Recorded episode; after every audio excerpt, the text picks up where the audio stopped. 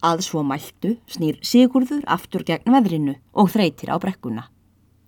Gengur svo um hríð að þeir félagar halda upp hálsin og hafa veðrið á móti sér og sér núna er því ekkert frá sér. Sigurður var maður raustur og þrautgóður og þreytir sterklega gegn veðrinu. Það fundu þeirri brátt að frostið harnaði eftir því sem á leið. Fött Þorsteins voru öll gegn vot og frusu þegar. Varð honum því erfiðara en Sigurði um gunguna, en vildi þó fyrir hvert mun eigi láta á sér finna að hann gæti ekki fyllt honum.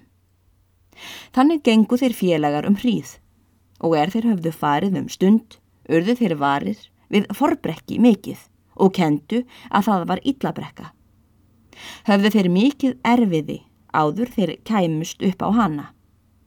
Nema þeir þó staðar og skiknast eftir hvort ekki grilli í klett þann er Þorstinn hafði um getið og þeir vissu að standa átti framann í efstu hálsbrúninni. En svo var hríðin þá dimm að ekki rofaði fyrir honum. Tekur þá Sigurður aftur til orða og segir Svo er nú komið Þorstitt félagi sem er grunnaði að ekki myndi fyrir okkar greiðari þó við hingað kæmum. Höfum við nú haft erfiði mikill að komast hingað og sjáum þó ekki klettin. Eða treystur þú þér til að hitta hérðan á þrýfurður? Enga færu sé ég nú til þess, sagði Þorstein, að halda lengra áleifis. Og tak nú það ráð fyrir okkur er þér þykir sæmilegast. Og er þó líkast til að til eins drægi um vort ráð. Betra er seint en aldrei, en betra var að ég hefði ráðið fyrri, sagði Sigurður en þó tjáur nú ekki að æðrast. Eða hvort ert þú nú að þrótum komin félagi?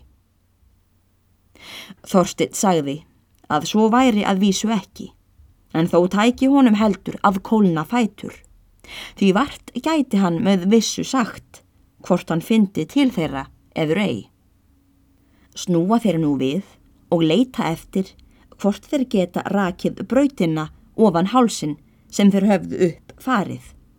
En svo er fannmögnið þá mikið að þegar hafði fókið í hanna og sást hverki fyrir henni. Leitast Sigurður nú við að átta sig og taka stefnu ofan hálsin.